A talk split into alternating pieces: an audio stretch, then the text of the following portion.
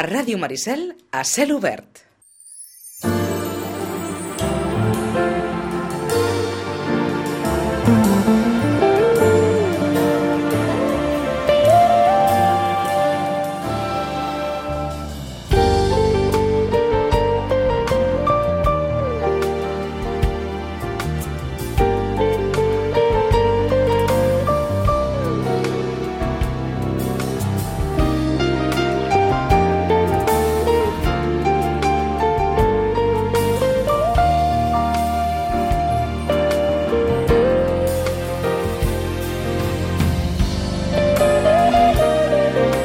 Doncs com dèiem, 11 i 17 minuts eh, d'aquest matí, mentre la prima de risc sembla que relaxa, mentre diuen que tenen un pla de rescat preparat per, per rescatar-nos a nosaltres i els italians junts, que bé, mentre diuen tantes coses, no sé si doncs en l'última hora d'Europa haurem aprovat o haurem suspès. Joaquim Millan, bon dia.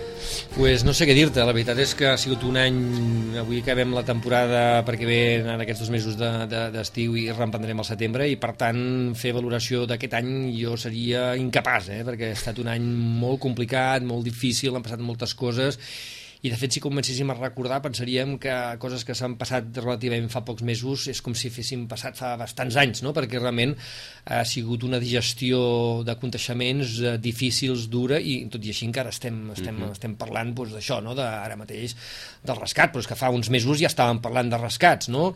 i que si Espanya, que si Itàlia, recordo finals de l'any passat, bueno, les eleccions, a cavalles de les eleccions que vam tindre aquí també parlant d'aquest tema, o sigui, vull dir, clar, jo crec que hi ha, hi ha un desgast inclús intel·lectual de, de, de, de ciutadà i de la gent entesa sobre aquestes qüestions, no?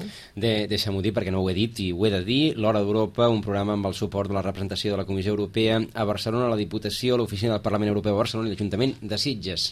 Sembla que s'ha de dir. S'ha de, dir, s'ha de dir, ja home, que donin suport està molt bé perquè també és, és bo el poder eh, tindre, i aquí no és casual que sigui ara perquè sembla que Europa no és que estigui de moda, però Europa eh, eh, és important a les nostres vides quotidianes, ens hem donat compte que això era així, i per tant parlar d'Europa de, eh, eh, és important perquè ens afecta, ens han donat compte que ens afecta. Jo, de fet, relativament fa poc, eh, parlant a Vilafranca amb gent gran de l'any europeu de l'envelliment actiu, la primera pregunta que em van fer era dir, escolti'm, les eleccions a França eh, ha guanyat el senyor Hollande, això com m'afecta a mi per la meva pensió de futura. Llavors vaig pensar, carai, no? quin, quin, quin triple salto mortal, però realment aquella senyora tenia ten, tenia la intuïció de que tot això li afectarà d'una manera o d'una altra a la seva pensió futura. Per tant, tot, tots són vasos comunicants. Exacte, i per tant aquest tema que la gent se n'hagi començat a donar eh, és, és bo i dic que no és casual que parlem d'aquest tema perquè nosaltres aquí a, a la ràdio i tant amb en Vicenç com amb tu Joan fa molt temps que vam apostar per dedicar un espai al mes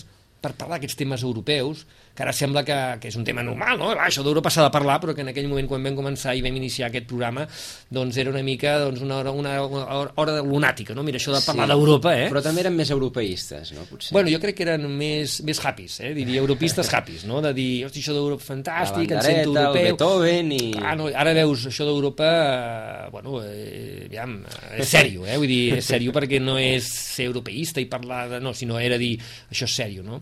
I per tant, jo crec que també és important, i avui tindrem l'oportunitat de dos, mm, dos entrevistats que, que jo els vull agrair que estiguin avui amb nosaltres, doncs dos oportunitats. Una, per parlar de, de, de, de diguéssim, en positiu, de futur, d'oportunitats d'aquesta Europa que també ens preocupa, però també encara ens segueix generant oportunitats i oferint possibilitats, especialment en l'àmbit de, de la gent jove, amb la Sara Molins, i després parlarem també amb un politòleg de, jo crec que d'aquells eh, especialistes justament en comportament electoral, sociòleg, sociòleg també, eh, per el que ha passat a Grècia, a França, el que podrà passar a Alemanya, en fi, mm -hmm. que ens mhm. estigui explicant també aquesta Europa que, que també està condicionada a, aquests, eh, a aquestes eleccions eh, que tenen els seus, estats, els seus estats membres, especialment aquells importants que també condicionen la política europea, com és en aquest cas l'Albert Baladà. No? Mm -hmm.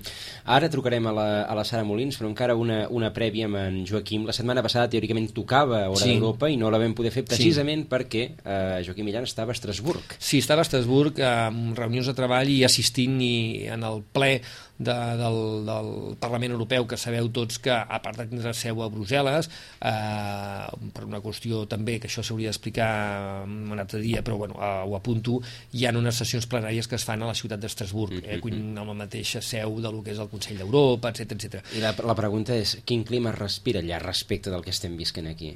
El clima... Mm, hi ha un clima mm, de desconfiança, mm-hmm. de desconfiança, no tant per la capacitat de retorn que puguem tindre nosaltres d'aquesta qüestió econòmica o de capacitat de, de, de, de, diguéssim, de sacrifici que puguem tindre des de la vessant ciutadana, sinó hi ha un punt de desconfiança de dir, home, és que ens estan demanant ajuda i ens estan dient que gestionaran aquesta ajuda els mateixos que no han sapigut gestionar la bonança durant aquests últims anys i que han malabaratat ajudes, s'han fet coses que ara nosaltres mateixos eh, ens creiem increïbles i dius, això ha passat, com és possible? I mentre passava eh, estàvem davant i no ens en donàvem compte i ara ens donem compte que realment doncs, hem fet coses a part també de, de, de, de bueno, ells també llegeixen la premsa i a mi em preocupa quan comences a, intent, a, a, que per intentar entendre el que està passant aquí tinguis que llegir, per exemple, Le Monde, perquè tu està explicant molt millor que els mitjans que tu tens aquí, que en algun aspecte estan polititzats i esbiaixats amb algunes qüestions i que has de llegir a vegades des de fora i veure des de fora, bueno, a vegades també passa, no? Vull dir, sortir de l'escenari per veure en perspectiva. Jo crec que ara en aquests moments està tot tan liat aquí que has de tindre certa perspectiva per intentar veure el que està passant i tindre certa, eh, bueno, certa visió de la jugada. I en aquest sentit allà preocupa això, preocupa que que, que bueno, per exemple, tot el que està passant amb el Divar, pues, a, a, això no és només el tema aquest, sinó denota un tarannà de dir, bueno, aquí no hi ha responsabilitats, aquí tothom fa el que dona la gana, aquí ningú vol ni tan sols donar explicacions i això és allà, això dol. I t'ho dic perquè els que m'ho comentaven eren funcionaris espanyols de carrera d'allà i que els hi dolia aquesta imatge que estem donant en aquests moments de no país sèrio amb aquestes qüestions. Doncs no sabem si serà un país o, o no sèrio el que trobaran els joves, però ara anem a parlar de joves amb la Sara Molins. La Sara Molins és llicenciada en Ciències Polítiques i de l'Administració de la Universitat Pompeu Fabra, màster en Cooperació Internacional per la Universitat Complutense de Madrid i postgrau en gestió d'activitats sense ànim de lucre per Pere Tarrés. També és tècnica eh, internacional i de cooperació a l'Agència Catalana de la Joventut de la Generalitat i també havia estat cap internacional i de cooperació del Consell Nacional de la Joventut de Catalunya. Sara Molins, bon dia. Hola, bon dia. Uh, bé, ara en Joaquim Millan ens estava explicant com ens estan veient des de fora i no ens veuen gaire positiu. Uh, com veuen els joves quan van a fora doncs aquesta, aquesta Europa doncs, que, que era tan bonica fa uns anys per nosaltres i ara doncs, gairebé ens ha, ens ha de salvar i és gairebé un ogro? Mm, bueno, jo crec que els joves veuen Europa com una oportunitat, eh, com quelcom que també, tot i que no l'acaben d'entendre en molts casos, però que ho veuen com una opció i que a més a més els ofereix recursos i oportunitats per fer coses més enllà del seu propi país. Uh -huh. Els ofereix aquelles oportunitats que abans estaven batades només a, a una minoria per un tema de, de disponibilitat o que realment doncs, només molt poca gent podia fer, no? Uh, fa un temps uh, el poder-se plantejar anar a estudiar o anar a treballar fora era quelcom molt complicat i ara mateix és una opció no una obligació, sinó una opció. Com a mínim tens l'opció de decidir si vols o no anar-ho a fer. S'està notant un increment, oi?, de, de persones, de, de gent jove, doncs, que no veu un, un futur clar, i no cal recordar els índexs d'actur que tenim per aquí, eh, com, aquesta, com aquesta sortida eh, per buscar doncs, una, una possibilitat tant de formar-se com d'ocupar eh, doncs, o d'entrar en el món de treball a, a l'exterior sí que ho estan veient, però perquè també cada cop més la Unió Europea dona més recursos perquè això es pugui fer. Uh mhm. -huh. El que passa és que, bueno, històricament sempre hi ha hagut aquests moments en què la gent s'ha mogut, vull dir, com una cosa molt traumàtica, però vull dir, la història de la humanitat és la història de les migracions, per tant és quelcom que, com que no ho hem viscut, potser no ho recordem, però que ha passat amb altres vegades. El que passa és que en aquest cas hi ha darrere una institució com pot ser la Unió Europea o altres que donen suport a que això es pugui fer d'una manera que tothom hi pugui arribar i a més a més de formes variades, perquè a vegades es pensa la gent que només es pot marxar fora i vol dir marxar i no tornar, o vol dir marxar molt temps. Hi ha altres opcions intermitges que també s'ofereixen, que la veritat és que també són molt interessants. Uh -huh. Sara, us saluda en Joaquim Millan també. Hola, Sara, bon dia. Hola, bon dia. Agrair-te que estiguis aquí amb nosaltres, especialment per també donar un toc eh, positiu d'aquesta Unió Europea, que tu molt bé deies, de, també ens, en, malgrat tot el que està passant, segueix generant oportunitats, segueix creixent uh -huh. amb, aquest, amb aquesta integració europea. Jo, més que res, també dir-te de, de, que ens poguessis dir, eh, molts d'aquests recursos moltes vegades eh, són desconeguts, o la gent no els acaba de conèixer prou, prou a vegades eh, hi ha aquesta sensació, ara jo crec que fictícia, de que Europa queda lluny, quan la gent és més capaç de treure's un bitllet per Ryanair per anar-se'n a Berlín, però buscar per internet coses d'Europa encara fa, no sé si fa mandra o no. La gent jove ja ha fet aquest pas de veure això d'Europa com un espai comú, entren a les webs, us demanen informació, o encara això està costant realment, eh, no, ja encara segueix fent-hi molts recursos desconeguts i prou no massa utilitzats per la gent jove aquí a Catalunya. Com ho veus, això? Ha anat canviant? S'ha de millorar? Uh, cada cop ha anat millorant, sobretot com està informada la gent a la que els joves acudeix per informar-se. Perquè els joves s'ha de pensar que acudeixen normalment o als punts d'informació o al seu ajuntament. O... Vull dir, el problema és a on informar-se i si aquestes persones tenen o no la informació. Doncs el que sí que hem notat és un augment de la demanda dels professionals de joventut per estar informat o saber on trobar la informació, perquè el que és impossible és saber-ho tot. I això és el primer que s'ha de dir. És impossible que una persona et pugui respondre a totes les preguntes o dubtes, però com a mínim sí que aquella persona estigui preparada per saber on derivar. Mm. I el que sí que estic d'acord és que hi ha molts recursos que no es coneixen, una mica lligat al que comentava abans, que tot està molt centrat en anar a estudiar fora, per tant ho associem a l'Erasmus, sí. o anar a treballar fora. Doncs hi ha moltes més uh, opcions i oportunitats que evidentment aquests, eh, tant el programa Erasmus com altres en temes d'ocupació són molt importants, però que també donen oportunitats, eh, per exemple, a través del Servei de Voluntariat Europeu, que és un programa que gestiona la Unió Europea, que et permet estar uns mesos fora amb un petit suport econòmic de la Unió Europea fent un projecte de voluntariat. Per exemple, i aquest que... tema en quines edats? Per als que s'estiguin escoltant, a partir dels 18? O... A partir dels, en general, a partir dels 18 estem parlant. Sí que hi ha algunes activitats que es poden fer a nivell internacional per menors, uh, però sempre a través, per exemple, d'entitats juvenils o d'algú que se'n faci responsable. Uh mhm. -huh. Això és una demanda que sí que ens han comentat des dels punts d'informació que els està arribant molt de, molta gent que té menors d'edat que volen marxar fora i no saben com fer-ho. Doncs sí que és veritat que totes aquestes oportunitats, no totes són per menors, però algunes sí, sempre i quan vinguin vinculats a través d'alguna entitat juvenil o d'alguna administració que ho gestioni. La, la gent que, que va fora, eh, què es troba fora i si eh, ha canviat molt doncs, el perfil de la, de la persona que acudeix a, a, doncs, a la Generalitat, en el vostre cas, per exemple, doncs això, a demanar aquesta informació per, per buscar doncs, alguna, alguna sortida, sigui, sigui d'estudi, sigui de treball o, com comentaves, sigui d'algun altre eh, aspecte a l'exterior sí que ha canviat per el que es comentava abans, que abans es veia com una cosa molt exclusiva. Uh -huh. com a, bueno, per començar, perquè la informació no arribava a tothom, i després perquè, evidentment, la, el que costava marxar fora, tot i que hi haguessin ajuts o no, no estava a l'abast de tothom. Uh -huh. Llavors, ara la informació és molt més disponible i, per l'altra banda, també els costos de marxar fora no són els mateixos que eren abans. Vull dir, ara mateix, i tal com comentava el Joaquim, vull dir, comparar-se un bitllet de Ryanair o en qualsevol altra companyia, els preus han baixat molt. Per tant, marxar fora és molt més fàcil. El que sí que ens demanen molt és sobretot consells perquè, tot i que estiguem dins de la Unió Europea, cada país i cada estat té unes regulacions diferents. Per tant, és important que la gent s'informi abans de marxar quines són aquestes regulacions per tal de que no es trobin penjats, no? perquè si a vegades ja ens perdem amb la paperassa aquí, doncs també és important saber quins són els processos administratius en els altres països. Això sobretot quan estem parlant de processos de llarga estada quan estem mm -hmm. parlant d'altres temes com un servei de voluntariat europeu o un intercanvi juvenil, per exemple, entre entitats juvenils que estàs 15 dies fora en un país, que a més a més coneixes a gent del país que vas més de tots els altres que estan venint en aquella trobada, uh, evidentment això és molt més senzill. I a vegades la gent ho veu com una cosa molt complicada, no? Com una cosa de haig de marxar molt temps fora, haig d'estar... I a vegades amb coses més breus doncs, també es pot tenir aquesta experiència.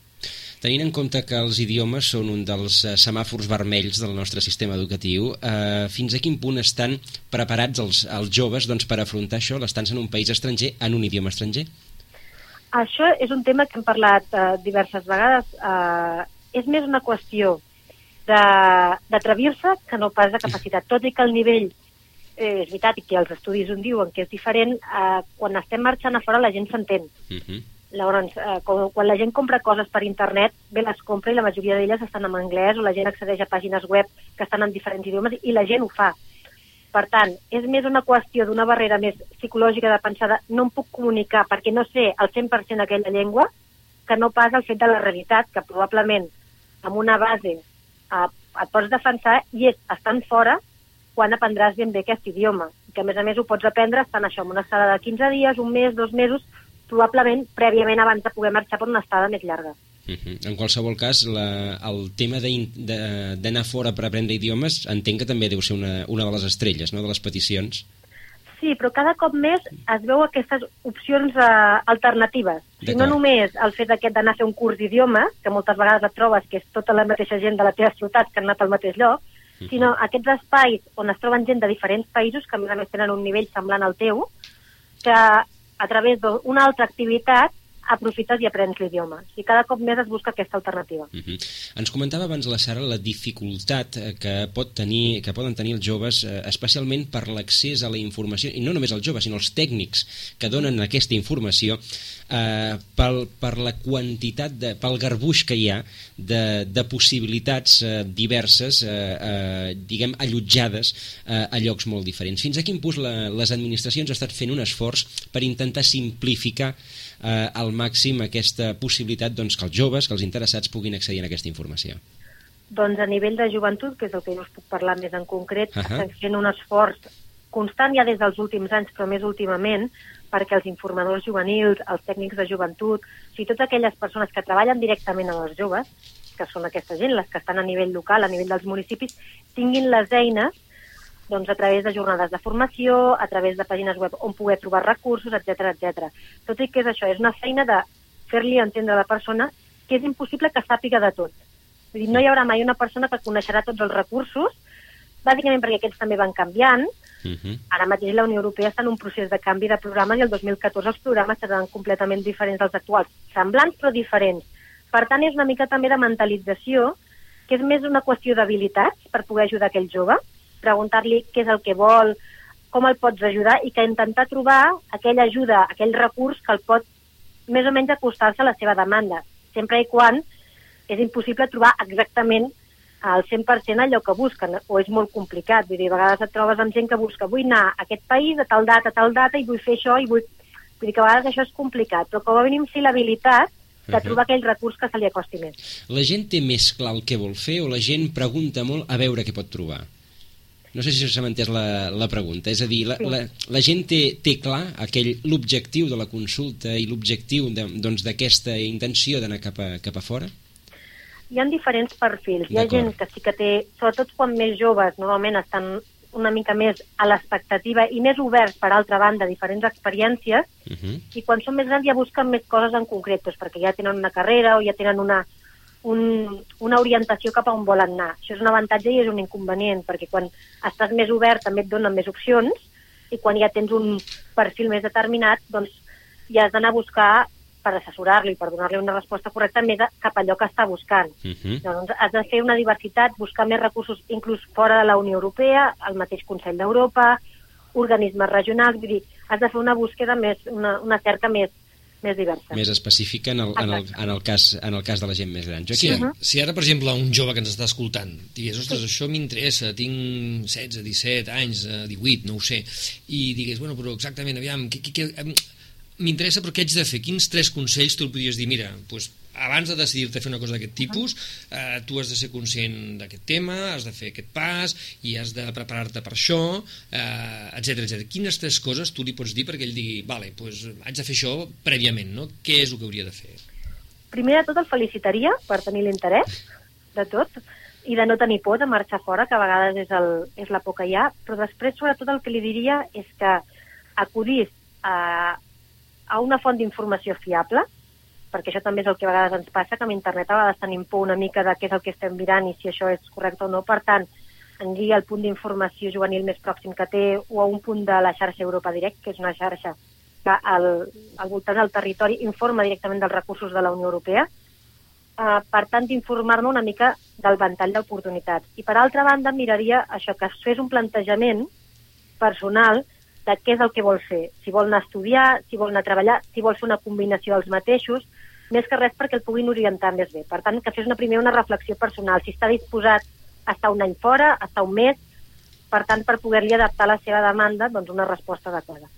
Doncs, uh, Sara, uh, Joaquim, digues. No, només per acabar, Sí. jo crec que també era, mm, i una mica mm, per lo que comentava ara la Sara, també jo crec que és molt important el que, que, que ell primer faci la, el que deia, no felicitar-lo per la decisió, és a dir, ser conscient de la decisió que prens, és dir, ser conscient del, del tipus d'idioma que parles i on et vols adreçar, perquè a vegades la gent tampoc pensa, bueno, aniré allà i vaig fer... No, vull dir, saber l'i- l'idioma, reforçar aquell idioma que tu creus que és el fort amb tu per poder-te moure, saber on vols anar eh, i què és el que vols fer, per saber això que deia la Sara, quan vas a demanar informació també una mica haver-te fet tu les preguntes primer a tu mateix per saber el que demanes. Però la gent diu, vull, vull marxar, i què vols fer? Pues no ho sé, home, pues primer, mm, abans d'anar al punt d'informació, escolta, fes tu la pregunta tu mateix, saber el que vols, si vols anar a treballar, si vols estudiar, si vols fer un intercanvi, si vols eh, fer el tema d'idiomes, etc. És a dir, que primer es faci les preguntes ell mateix per poder llavors saber exactament què és el que vol i llavors anar allò que dius a pinyó fixa per demanar la informació, aconseguir-la, etc etc etc. No? Allò que fa quan se'n vol anar amb un Ryanair a Berlín i la pàgina web és en anglès no entén res, però ell al final treu els bitllets, al final se'n va aquella, eh, vull dir, ser constant jo penso que també eh, és el que eh, crec que Sara no, també al jove se li ha de dir que tampoc això de, és tan fàcil i que per tant, home, requereix també un esforç per la seva part, que no es pensi, vaig al punt d'informació em donen molta informació, clar, no m'han fet res no m'han tret els bitllets, no m'han acompanyat a l'aeroport no perquè a vegades la gent jove també té la sensació que això és que m'han d'ajudar tant que quasi m'ho han de fer tot, no? Jo crec que també és dir-los que, que, que la informació existeix però que te requereix que també tu facis una part, no? perquè si no, no, no funciona, no? Sí, hi ha una part que, evidentment, han de buscar. eh, El que passa és que també ja és feina de la persona de dir, mira, aquí és on tens tots els recursos, aquests són els passos que has de fer. Si tens algun dubte en el procés, no pots consultar, però, evidentment, el procés l'has de fer tu. O sigui, el que no faran administracions és fer totes les gestions, però sí donar informació i facilitar perquè aquestes les puguin dur a terme. Uh -huh. donar, donar les eines, però no, Exacte. anava a dir, no, no, no, no reparar el cotxe, no? Exacte. Uh, doncs uh, Sara Molins, uh, tècnica internacional i de cooperació de l'Agència Catalana de, de la Joventut de la Generalitat, uh, moltíssimes gràcies. Esperem doncs, que, uh, com a mínim, aquesta conversa hagi estat aclaridora sempre i quan doncs, ens hagi escoltat uh, persones interessades en, en donar aquest pas, persones joves doncs, que vulguin això, uh, no només estudiar, no només Erasmus, no només treballar, uh, sinó fins i tot doncs, uh, assabentar-se d'altres possibilitats que també ofereix uh, els països de la Unió Europea doncs, de cara a la, se, a, a la seva joventut. Sara, moltíssimes gràcies. Moltes gràcies, Sara, bon dia. Moltes gràcies, bon dia. Adéu, bon dia. Adéu.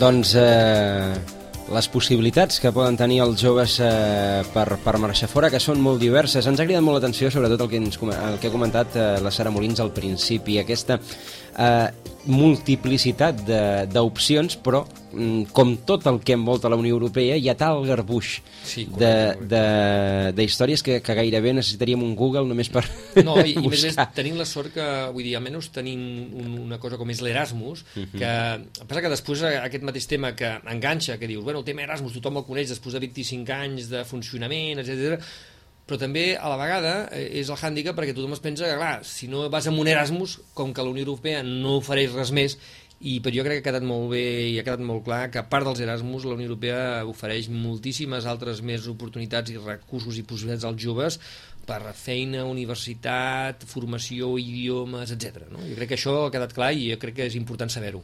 Doncs passem, passem pàgina dels joves i ens n'anem doncs, als més grans, o el que ens afecta a tots, podríem, podríem dir.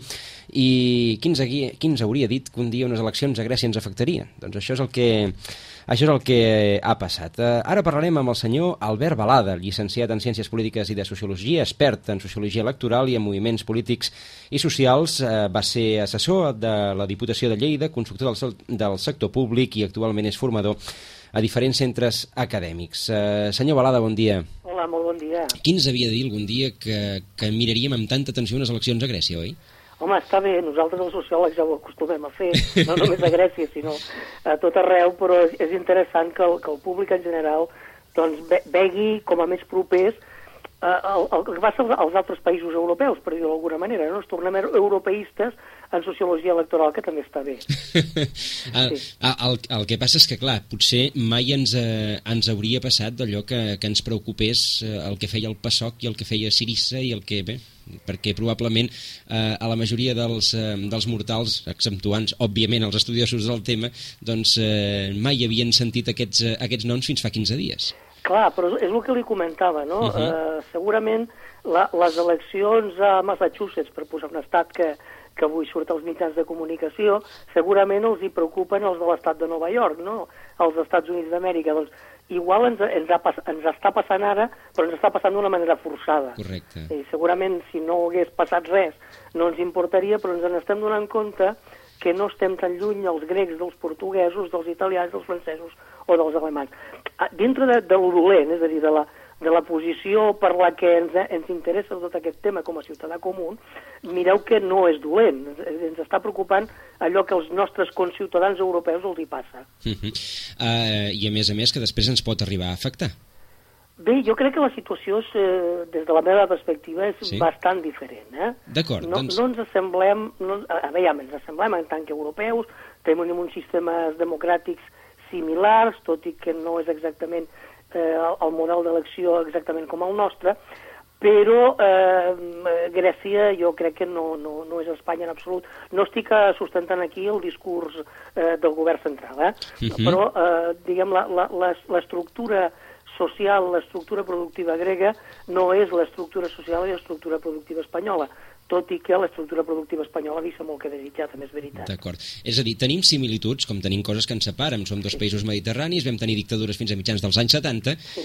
i a partir d'aquí, ells em sembla que van entrar abans que nosaltres a la, a la comunitat en aquella eh, que es deia abans, sí. però en qualsevol cas, més o menys vam entrar per la mateixa, per la mateixa època, i, i fora d'això, doncs la resta ja serien més discrepàncies, no? Sí, sí, sí, aquí hi ha, hi ha moltíssimes discrepàncies. Fins uh -huh. i tot mhm. amb, amb, amb l'accés a, la, a la Unió Europea per part de Grècia, després s'ha sabut eh, que els informes d'accés doncs, eh, no tenien aquella veracitat que, que, que, que es pensava, no? I, I després ha portat tot el que ha portat amb, amb una recula de circumstàncies. Amb això sí que ens assemblem bastant. És a dir, eh, la, la situació que es produeix des de la meva perspectiva i com jo ho he estudiat a Grècia avui en dia té molt a veure amb la gestió dels recursos que li han arribat a Grècia. Mm. També té molt a veure el que ens ha passat en aquest país, Espanya, amb la gestió dels recursos que ens han arribat. És a dir, si juntem els recursos que ens han arribat amb el model productiu que nosaltres teníem, doncs al final acaba sortint el que acaba sortint. La diferència és que a Grècia el que els arribava s'ho gastaven, eh, o malversaven, aquí trobem obra pública i obra civil i alguna malversació. No és exactament igual, però veieu que hi ha una certa similitud. D'acord, en el cas de Grècia el que ens ha arribat és que, a més a més, enganyaven amb els números. Sí, sí, sí, o sigui, la, la, la, les dades les dades d'ingrés a la Unió Europea, jo crec que aquí la Unió Europea va fallar eh, perquè va fer una confiança absoluta, eh, era, era obvi que ho fes, amb els estats, però clar, eh, els estats intentaven maquillar les seves xifres per accedir a la Unió Europea. Eh, un cert maquillatge també hi havia en el nostre accés -huh. a, la, a, a la moneda única europea, el, el, el famós canvi dels 166,386 pessetes, que alguns eh, experts en política econòmica discutien si no hauria de ser una mica més i no aquell canvi tan ajustat. D'acord. En qualsevol cas, el ciutadà de peu grec, el que en el fons determina el futur del seu govern i gairebé el futur d'Europa, segons com ens han venut els darrers, eh, els darrers dies, i que, per tant, ha de prendre la seva decisió de vot en funció d'uns ítems que li, que li arriben, fins a quin punt és corresponsable d'aquest engany del seu govern? Bé, el, el, el ciutadà grec en bona part és corresponsable, ja, ja li comento. Eh, jo eh, vaig, vaig ser coneixedor d'un reportatge que després van passar per Televisió Espanyola, que, en la que va participar un col·lega lleidatà, un politòleg lleidatà, uh -huh. on es veia clarament com la, les subvencions de la política agrària comunitària, que aquí han servit pel que, pel que han servit en el cas espanyol, no? per, per la reconversió de, de plantacions, per, per tot un tipus de, de situacions que es coneixen perfectament. En el cas de Grècia, doncs, doncs anava directament a despesa corrent dels, del, dels pagesos, no? Veies doncs, que l'agricultura la, grega no s'havia modernitzat com hauria d'haver estat modernitzada per, la, per les ajudes que rebien. El pagès que rebia aquesta ajuda se la gastava. I quan dic se la gastava vol dir es comprava el seu Mercedes, es comprava, eh, se n'anava de viatge, però ve, veus ara que la plantació és, està envellida, que no produeix, eh, hi ha una certa responsabilitat, si tenem. Evidentment, no tots els ciutadans eh, han participat d'aquestes ajudes europees, no? Però hi ha molts ciutadans que, que realment, doncs, eh, bé, podríem dir que en són responsables. I eh, més enllà de ser responsables, com el senyor Balada ens deia, probablement sí que ho són, en són conscients de quan ha estat? Aquesta consciència no es té mai. Teniu en compte, mira, us vaig a posar un, un cas per, per parlar de la, de, de la política actual espanyola. Uh -huh. El cas del senyor Ibar. No té res que veure, em direu, no, no, no. I, i veureu que no té res que veure, però ara, sí. Ara riureu, senyor Balada. Eh, eh, ara riureu. Eh, el senyor Díbar ja ha sortit en aquesta conversa en l'entrevista anterior, és a dir que... No, no però jo, jo us ho vull explicar perquè, perquè Endavant. ve a col·lació amb, amb, amb l'exemple de, de si són o no són conscients. Estic convençut que el senyor Díbar no és conscient de tot el que s'està pensant d'ell.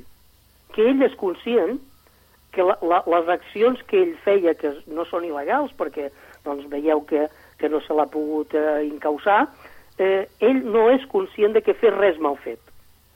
Estic convençut, eh? no, no, és, no és que l'estigui fent defen defensa d'en ell amb aquesta afirmació que jo fa, faig ara, no? Doncs això em porta als ciutadans grecs o porta als ciutadans espanyols.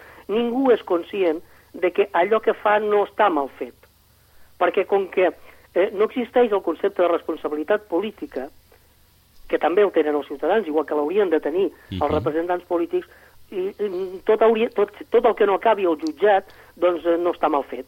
In, no sé si m'he explicat prou clarament. Sí, sí, in, interessant sobretot aquesta frase que ens heu dit. El concepte de responsabilitat política també l'haurien de tenir, o també el tenen els ciutadans. Sí, sí, jo, jo ho tinc molt clar. A veure, és un, és un concepte que no existeix en, en la, diguem, a l'Europa continental. Uh -huh. sí, que for, sí que forma part de la, de la ciència política, de, diguem, de, del cas del, dels germànics i, dels, uh -huh. i els saxons, també, també dels Estats Units, els països nòrdics, però el nostre, el nostre sistema no, no la contempla. A veure, quan, quan, quan s'estudia, s'estudia la responsabilitat política, però eh, no existeix. Hi ha la responsabilitat legal, hi ha la responsabilitat professional, hi ha la responsabilitat administrativa, però no hi ha la responsabilitat política. I que al final, que al final s'acaba quedant en allò de que si una persona ha de deixar la cadira o, o, ah, o, o s'hi aferra, no? Efectivament. Eh, el, el cas simptomàtic és el, el cas islandès, eh, més que per, per, per típic i tòpic, no? Sí. És a dir, que, que, que es, pot, eh, es pot incausar el, el, el president d'un govern es pot incausar a determinats presidents d'institucions financeres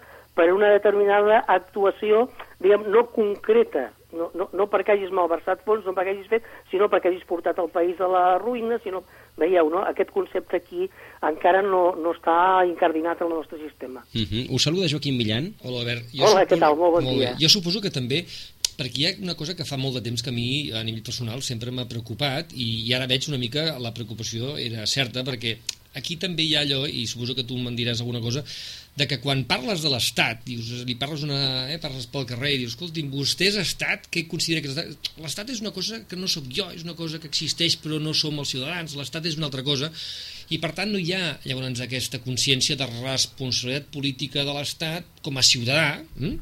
perquè això de l'Estat i tot això com que no va conmigo, no? Llavors això ens ha portat que realment eh, ara ens comencem a donar compte que clar, l'Estat som nosaltres perquè clar, quan l'Estat no té diners ens demanen diners a nosaltres, pensàvem que les comptes de l'Estat les portava algú amagat allà al Banc d'Espanya i resulta que, clar, les comptes de l'Estat són com les nostres a casa nostra, vull dir, tant ingresses, tant gastes i si no, doncs t'has de, eh, de eh, demanar crèdit, no? Eh? perquè si no, no, no, no pots tirar endavant. I ara comencem a donar-nos compte, ens comencem a despertar i això que deies molt bé tu, Albert, amb el tema del, del senyor Divar, és, eh, per mi, jo he estat, li deia abans, en el, en el Joan, he estat a, a, a Estrasburg, i el tema d'Iber, que no va amb el tema del rescat, però era una mica la conversa de dir, clar, és que amb una gent que té aquest tarannà que ell no dona explicacions perquè diu no les haig de donar, no dona explicacions.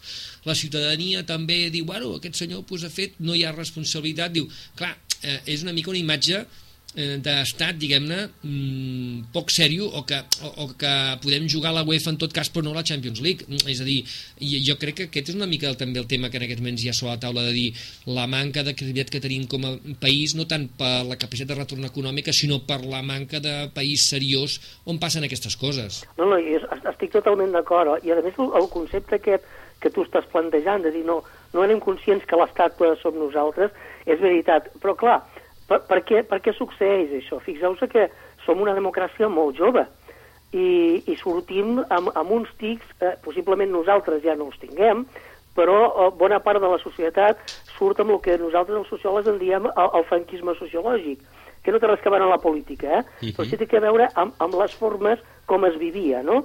com s'entenia tot, no?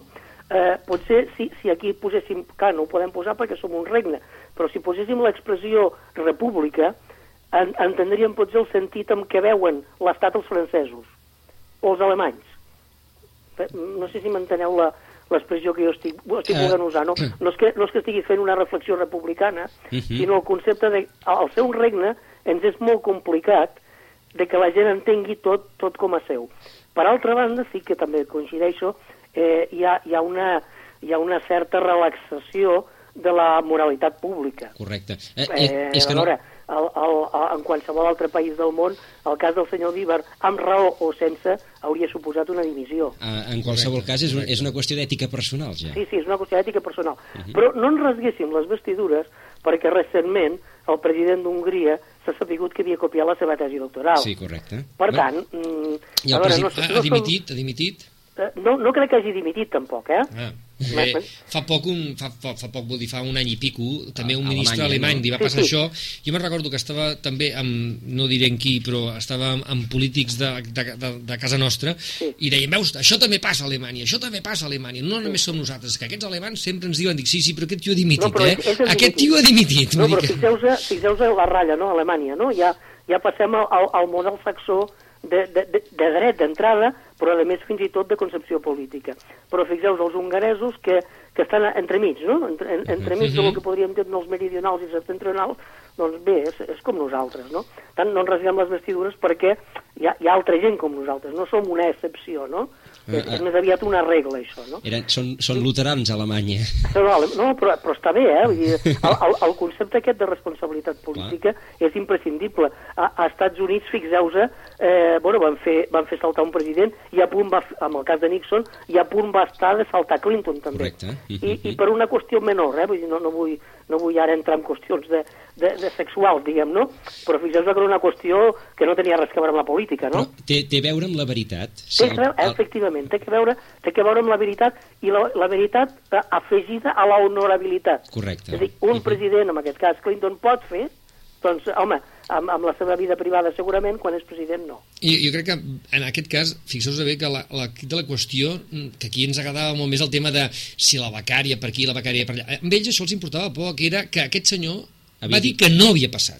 I després era que sí, és a dir, ens havia enganyat, podia ser amb una becària, com podia ser amb un informe, com podia ser amb una trucada telefònica, que podia ser en qualsevol xorrada, era igual el que era, sinó que un tio que ens presideix ens està enganyant amb una cosa com aquest tipus. No ens genera la confiança perquè es dirigeixi el país, perquè ens pot enganyar llavors en qualsevol tema.